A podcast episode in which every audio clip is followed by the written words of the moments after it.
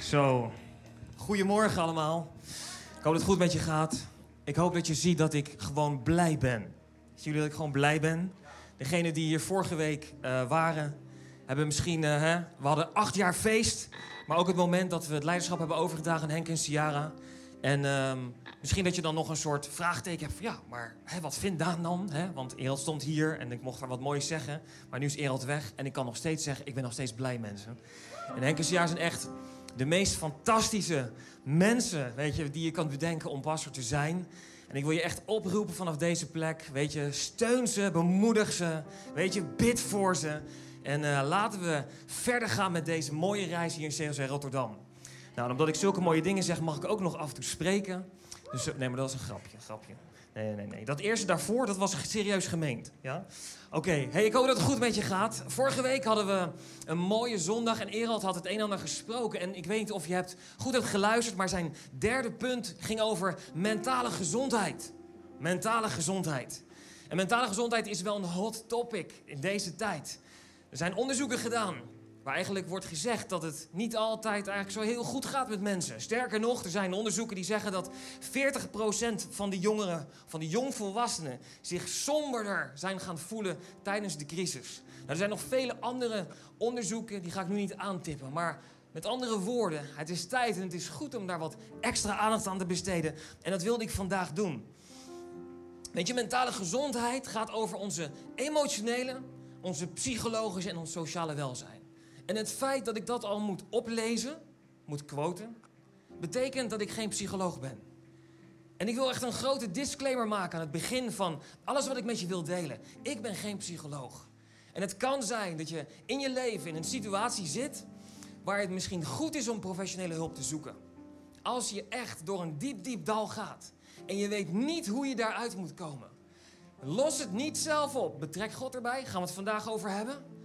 Maar zoek iemand, weet je, of zoek professionele hulp. Want dat echt zal je helpen om daaruit te komen, het een plek te geven en weer verder te kunnen. Maar ik wil vandaag met je kijken naar wat voor bijbelse waarheden en principes kunnen we halen uit Gods woord. Wat het een en ander ons vertelt over mentale gezondheid, over hoe het gaat. In elk geval, het betekent dat er iets is tussen ons, in ons denken, in ons kopje. En ik wil de, de main tekst voor vandaag met je delen, Romeinen 8, vers 5 tot 6. En ik deel hem in de English uh, Standard Version, de ESV-versie. Het gaat zo. For those who live according to the flesh, set their minds... Daar gaat het over, hè? Dus je gedachten richten on the things of the flesh. En flesh gaat dus eigenlijk over hè, wat we zelf willen. Laten we gewoon zeggen, alles wat niet van God is. Laten we dat maar gewoon zo vrij vertalen. But those who live according to the Spirit, they set their minds on the things of the Spirit. En hier komt hij. For to set this, uh, the mind on the flesh is death. Met andere woorden, dat leidt uiteindelijk nergens naartoe. En dan staat er achteraan, but to set the mind on the spirit is life and peace. En is dat niet een leven wat we allemaal zouden willen? Een leven, vol leven van vrede. En vrede van God. Ik wil met je bidden. Heer, dank u voor vandaag. En dank u voor wie u bent. Voor uw goedheid, voor uw trouw, uw genade. En hier, als we het onderwerp mentale gezondheid aantippen vandaag, dan wil ik u vragen, Heer, wilt u tot ons spreken? En als het voor ons van toepassing is, voor iemand die hier zit, die luistert, misschien online meeluistert. Ik bid, Heer, dat u met uw geest spreekt, want u kent onze reis, u kent onze uitdagingen, u kent onze vragen die we misschien hebben. En ik vraag in Jezus' naam, Heer, wilt u uw werk doen? Wilt u ons bedienen? Zoals uw woord ook spreekt over dat u degene bent die ons wil bedienen. Ik vraag in Jezus' naam, Heilige Geest, wilt u uw werk doen vandaag? Amen. Vandaag de titel is dus The Mind Game. Het andere woord strijd in je denken. The Mind Game. Heb je wel eens Victor Mits gezien? Iemand? Of denk je, nee, dat is niet geestelijk? Misschien denk je wel, die is niet van de Heer. Zou kunnen. Nou weet je, Victor Mits is een fantastische kerel, vind ik. Goochelaar, mag je zeggen. Maar ze moet ook wel illusionist. En wat hij doet, hij doet goocheltrucs. Je hebt het vast, ik kan me niet voorstellen dat jullie het niet gezien hebben. Want ik bedoel, er waren volgens mij 2 miljoen kijkers in zijn televisieprogramma. Ik heb het toen niet gekeken, maar. Uh, dus even percentueel. Nou, maakt niet uit. In elk geval, die gast, die krijgt het voor elkaar om. Dat denkt hij, of tenminste dat laat hij ons geloven. Dat hij ons denken kan uh, uh, zien. Dat hij ons denken kan lezen. Dat hij weet welke keuzes wij maken. Maar ik zal je verklappen, deze man heeft geen profetische gaven. Hij is gewoon een hele slimme kerel. Die gestudeerd heeft op psychologie over, over het denken. En die weet hoe ons denken in elkaar zit. En deze man die weet heel goed hoe hij door middel van afleiding en misleiding ons kan laten denken dat hij weet wat wij denken. Nou goed, lang verhaal. Een heel klein voorbeeld hiervan is dit. Als ik, ik heb een klein voorbeeldje. Communicatietechniek zit er ook zo in. Een communicatietechniek is afleiding. Wat we doen is, op het moment dat je een slechte boodschap te brengen hebt... en uh, de overheid kan dit heel goed, let maar heel goed op, verder zeg ik niks... Als we een slechte boodschap te brengen hebben, wat we dan doen is, dan overladen we eerst met positief en goed nieuws. Dan doen we ook nog, even een side note, het slechte nieuws erbij. Met andere woorden, de aandacht gaat naar het goede nieuws. En daarmee, weet je, dan wordt het een soort sidetrack over het slechte nieuws. En dat is afleiding, wat er gebeurt. En ons denken, ons brein werkt ook zo. En die kan daarin meegaan. Let maar op, als je, je hebt het al meegemaakt, als je aan het studeren bent of iemand op school, weet je, dan studeren. Dat je dan zegt van, hé, uh, hey, en hij reageert niet. En je dan moet nog iemand zeggen, hé, hey.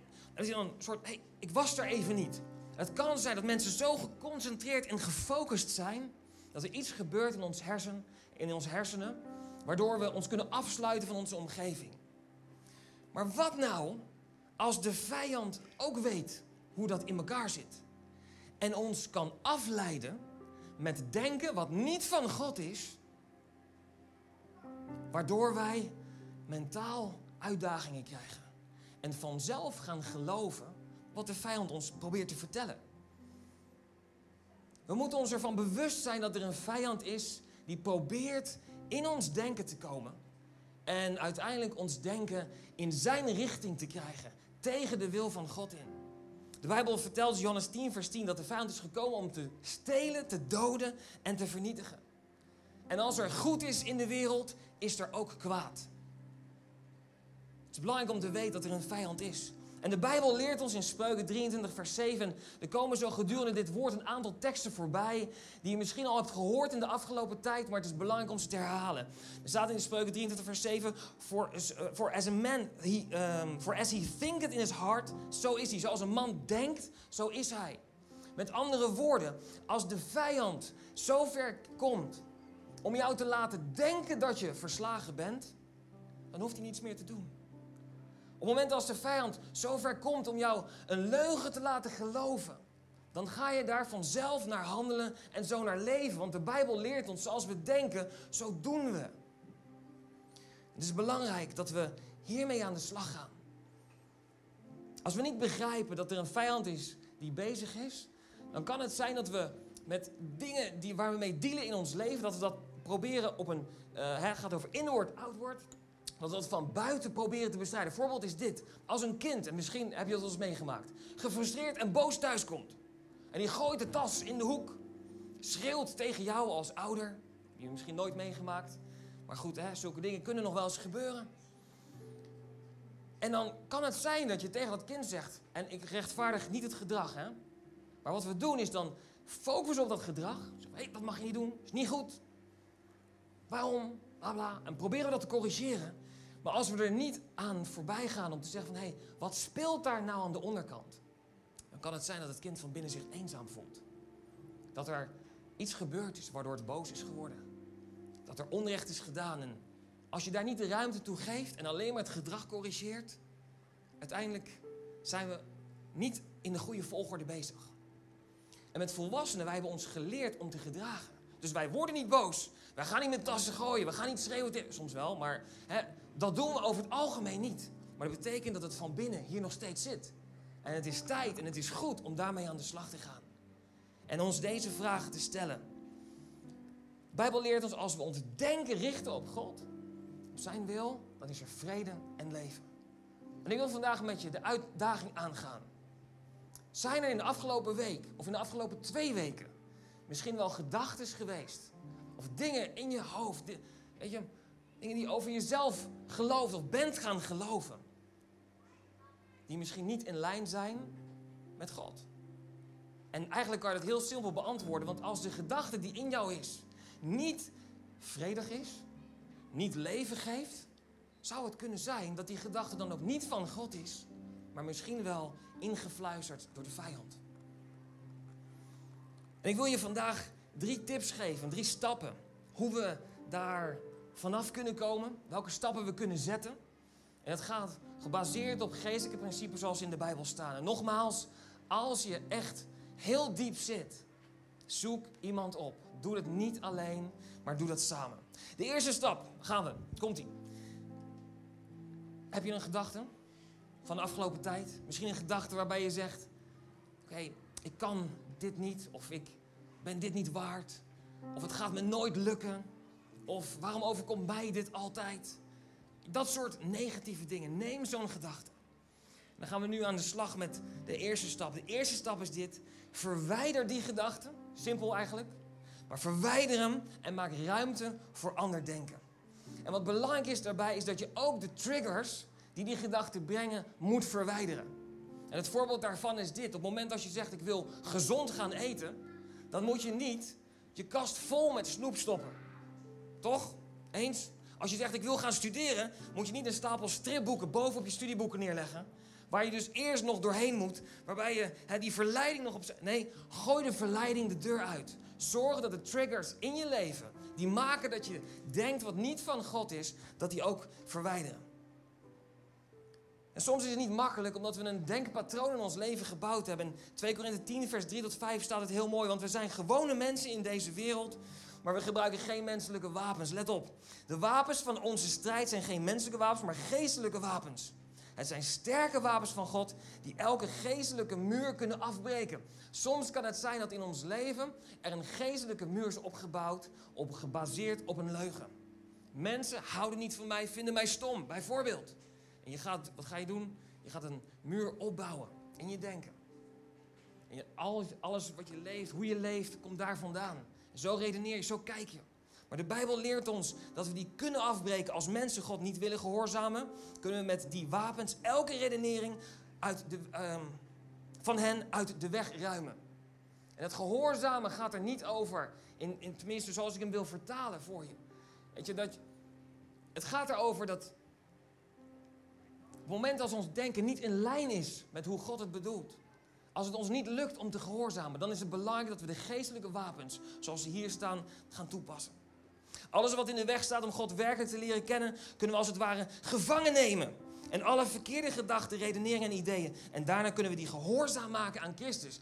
Heb je wel eens, hoe, hoe je bij je thuis gaat, moet je zelf weten. Maar als een kind stout is, dan is het goed soms om ze een time-out te geven. En te zeggen, dit is niet acceptabel, ga maar even op de trap zitten. Of ga maar even time-out. Sommigen van ons moeten een gedachte in ons leven een time-out geven. En het op de trap, trap sturen. En zeggen, nu even niet, weg hier. En die time-out moeten we misschien wel levenslang toepassen op die gedachten. De Bijbel spreekt over geestelijke wapens. Ik wil twee dingen noemen. Het woord van God, waarin staat dat het scherp is als een tweesnijdend zwaard. Wat helder maakt, wat van de geest is en wat van het vlees is. Zo, zo belangrijk om Gods woord toe te passen. En de tweede is gebed. En gebed is zo, zo krachtig. Op het moment als ik praat met iemand, maak ik verbinding. Dan spreek met, op het moment als wij bidden, maken wij verbinding met de God van het universum. De God die de hemel en aarde gemaakt heeft. En met die kracht maken wij connectie. Gebed, lieve mensen, is zo, zo krachtig. De Bijbel spreekt dat wat we binden, zal gebonden zijn. Wat we vrijzetten, zal vrijgezet zijn. Het tweede punt is dit. Dus we beginnen eerst met die gedachten te verwijderen. En daarna gaan we ons denken vernieuwen. Het staat in Romeinen 12, vers 2. Hele bekende tekst. Wordt vernieuwd door de vernieuwing van je denken. Maar soms proberen we vernieuwd denken in een oud patroon te krijgen. En dat is een uitdaging. En dat staat heel mooi verwoord in Lucas 5, vers 37 tot 38, waar Jezus spreekt over nieuwe wijn. Iemand trekt een nieuwe wijn. Nou goed, hou me vast. Niemand doet nieuwe wijn in oude wijnzakken, staat er in de Bijbel. Want de wijnzakken zullen barsten door het gisten van de wijn. En dan loopt de wijn weg. En de wijnzakken zijn kapot. Maar nieuwe wijn moet je in nieuwe wijnzakken doen. Dan blijft de wijn bewaard en de zakken blijven heel. Met andere woorden, als wij ons denken niet vernieuwen. En Jezus en God is bezig om ons nieuw te geven, nieuw leven te geven. Hij wil ons vrede geven. Maar wij proberen dat in ons oude denken, oude wijnzak te ontvangen. Dat kunnen wij niet aan. En dat is wat er ook gebeurde in het, in het Nieuwe Testament toen Jezus kwam. Hij zei, iedereen die vermoeid en belast is, kom tot mij. Ik zal je rust geven. In een vertaling staat ehm, dat hij, Jezus was een rabbi, Jezus was een leraar. En in die tijd was het normaal dat er leraren waren die dus de wet en de profeten vertaalden. En uitlegden, praktisch maakten. En uitlegden aan de mensen van, hoe moet je dat toepassen? En toen kwam Jezus. Hij was ook een rabbi. En hij zei, weet je, ben je vermoeid en belast? In andere vertaling, are you burn out on religion? Heb je het geprobeerd? En toen kwam Jezus met nieuwe wijn. Maar het is belangrijk dat we ons denken gaan hervormen. Dat we ons denken gaan vernieuwen. Zodat we de nieuwe wijn van God, de nieuwe wijn van Jezus, aan kunnen. Want anders barst de zak open. En uiteindelijk staan we dan nog steeds verbouwereerd. En dan kan het zelfs zijn dat we gefrustreerd raken op God en het niet snappen. Durf het oude denken los te laten. Om het nieuwe denken van God te ontvangen. Durf de gedachten die je hebt uit te dagen. Te challengen. Wat ik nu denk, is dat in lijn met wat God over mij zegt? Klopt dat wel? En het derde punt is dit versterk. Versterk. Versterk dat nieuwe denken. Weet je, soms denken we dat we met één gebed er zijn. En ja, ik geloof in wonderen. Maar het is niet voor niks dat de Romeinen 12, vers 2 daar niet een heel geestelijk sausje staat. Er staat gewoon, weet je, wordt hervormd door de vernieuwing van je denken. Dat is iets wat we zelf moet, mee moeten aan de slag gaan. God helpt je daarbij. God staat naast je. Maar het is wel iets waar we actief mee aan de slag moeten gaan. Het is niet dat er staat, instant is je denken vernieuwd. Nee, daar hebben we tijd voor nodig. En dat komt omdat ons denken gevormd is door de jaren heen. Met alles wat we geleerd hebben, wat we gehoord hebben. En in Filippenzen 4 vers 8 staat het heel mooi. Broers en zusters, richt je gedachten op alles wat waar is. Eerlijk, heilig, vriendelijk, mooi en goed. Doe alles wat jullie van mij geleerd en gezien hebben. Dan zal de God van de vrede bij je zijn. Dus het continu daarop focussen. Daarmee bezig zijn met Gods waarheid. Wat zegt God echt over jou? Weet je, dat ziet er als volgt uit. Ik heb ooit, eens een mooi voorbeeld gehoord over eh, een gedachte die aankomt als het ware als een, is een soort vliegtuig. En wil bij jou landen. En hij moet toestemming krijgen om te landen. Maar het is belangrijk dat we die gedachten, uh, die gedachten weet je, identificeren. Wat voor gedachten? En wat is de afzender? Wat is de bron? Waar komt die vandaan? En als hij dan probeert te landen en het is een gedachte, je bent niets waard. Weet je, je blijft alleen over. Weet je, alleen jou overkomt dit. Je bent een zondaar. Dat soort dingen. Als dat op je afkomt, dan kun je zeggen, ga weg. Hier geen plek voor jou. Op de trap. Stoute gedachten voor altijd. Als we de Bijbel opslaan en lezen we meerdere verhalen van mensen die door emotionele en mentale zware dingen tijden heen gaan. We hebben voorbeelden van Job, van Jona, van Jeremia, van David. Maar een van de mooiste verhalen die ik persoonlijk vind is het verhaal van Elia. En Elia was echt, echt een man van God die hele bizarre, gave dingen mee had gemaakt. We hebben niet de tijd om alles aan te tippen, overal doorheen te gaan.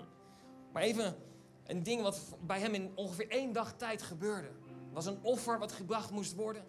Wat hij zeiknat had laten maken. En hij bad en er kwam vuur uit de hemel. En het hele offer en de, de, de stenen waar die dieren op lagen waren verbrand. Ik bedoel, dat alleen al is bizar. Als resultaat daarvan is er een opwekking. Het hele volk bekeert zich tot God. Hoe tof is dat?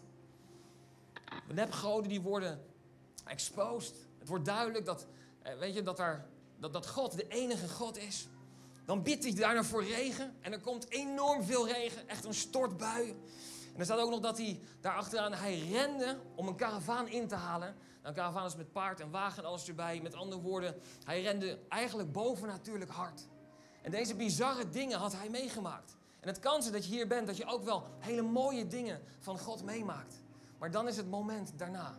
Dat de koningin erachter komt en niet zo blij is met die exposure van de valse goden. En ze bedreigt Elia met de dood. En ze zegt, morgen rond deze tijd zal jij ook dood zijn. En Elia wordt bang. En hij vlucht. En hij rent weg. En dan is het moment dat hij niet meer kan en moe is. En halverwege in slaap valt onder een boom. En het mooie is wat in de Bijbel daar staat is dat er een engel kwam en die gaf hem brood en die gaf hem water te drinken. En daarna rustte hij opnieuw. En als we de vertalingen erbij pakken, dan zien we dat in sommige vertalingen de engel wordt omschreven als engel met een hoofdletter. En er zijn theologen die zeggen als in het Oude Testament engel met een hoofdletter wordt geschreven, dan zou het kunnen zijn dat het een verschijning is geweest van Jezus. Of het waar is, ik weet het niet, maar de gedachte dat God zelf komt om Elia te troosten, hem water te geven, brood te geven, zodat hij weer kan rusten, vind ik zo mooi en hartverwarmend. En wat we zien in dit verhaal, hè, als je kijkt naar brood, is het woord van God. Water is de Heilige Geest. En wat er gebeurde is dat Elia kreeg dat opnieuw in zijn reis richting Horeb. En Horeb staat voor de berg van God. Met andere woorden, Elia was in zijn wegrennen op weg richting God. En als jij door een moeilijke tijd heen gaat waar je bang bent, zoals Elia. Ik zou denk ik ook bang zijn als hij. Maar het was voor hem zo erg dat hij onder die boom zat en dat hij zei: Voor mij hoeft het niet meer, Heer, zei hij. Ik zou wel willen sterven. En dat is heel heftig. Maar er zijn mensen om ons heen die ook worstelen met deze gedachten. En als jij dat bent, nogmaals, ik zeg echt, doe het niet alleen, maar zoek hulp. Vraag iemand, weet je, praat er met iemand over. Maar we zien dat Jezus daar komt persoonlijk om water te geven, brood te geven, zodat hij verder kan in de reis.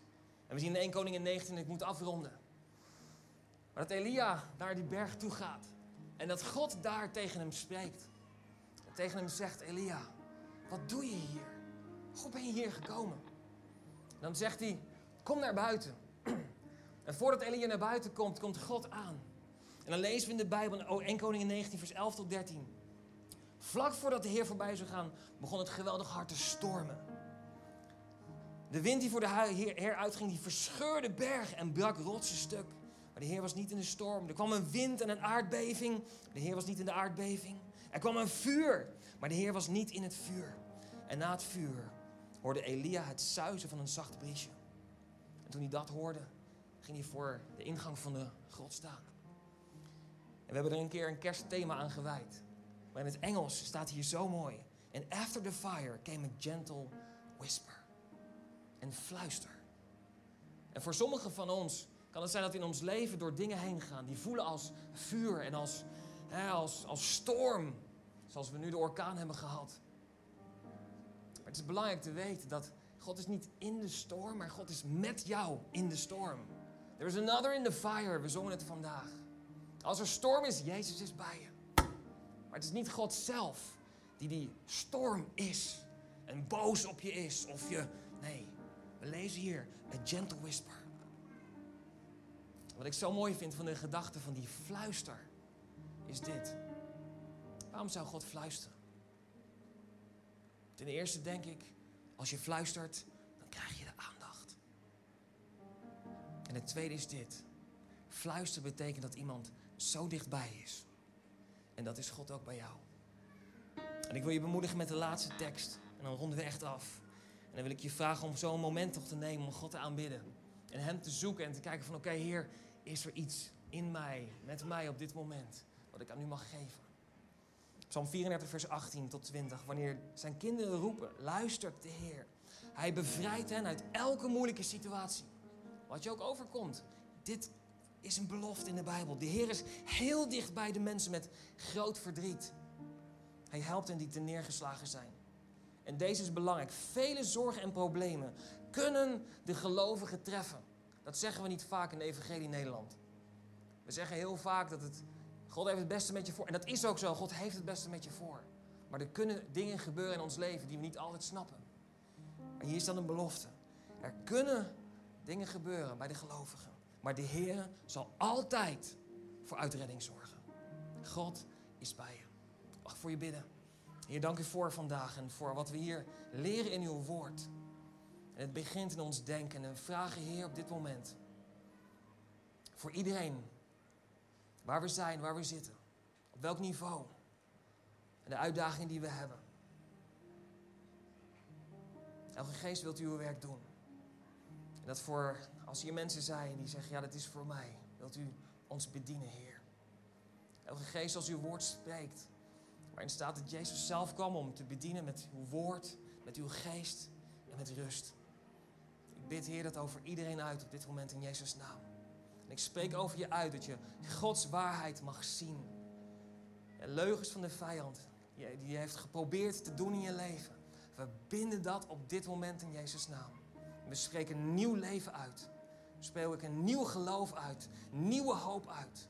Dat je mag verstaan en mag weten wat Gods wil over je leven is. En zoals zijn woord spreekt, is dat het goede, het welgevallen en het volkomene.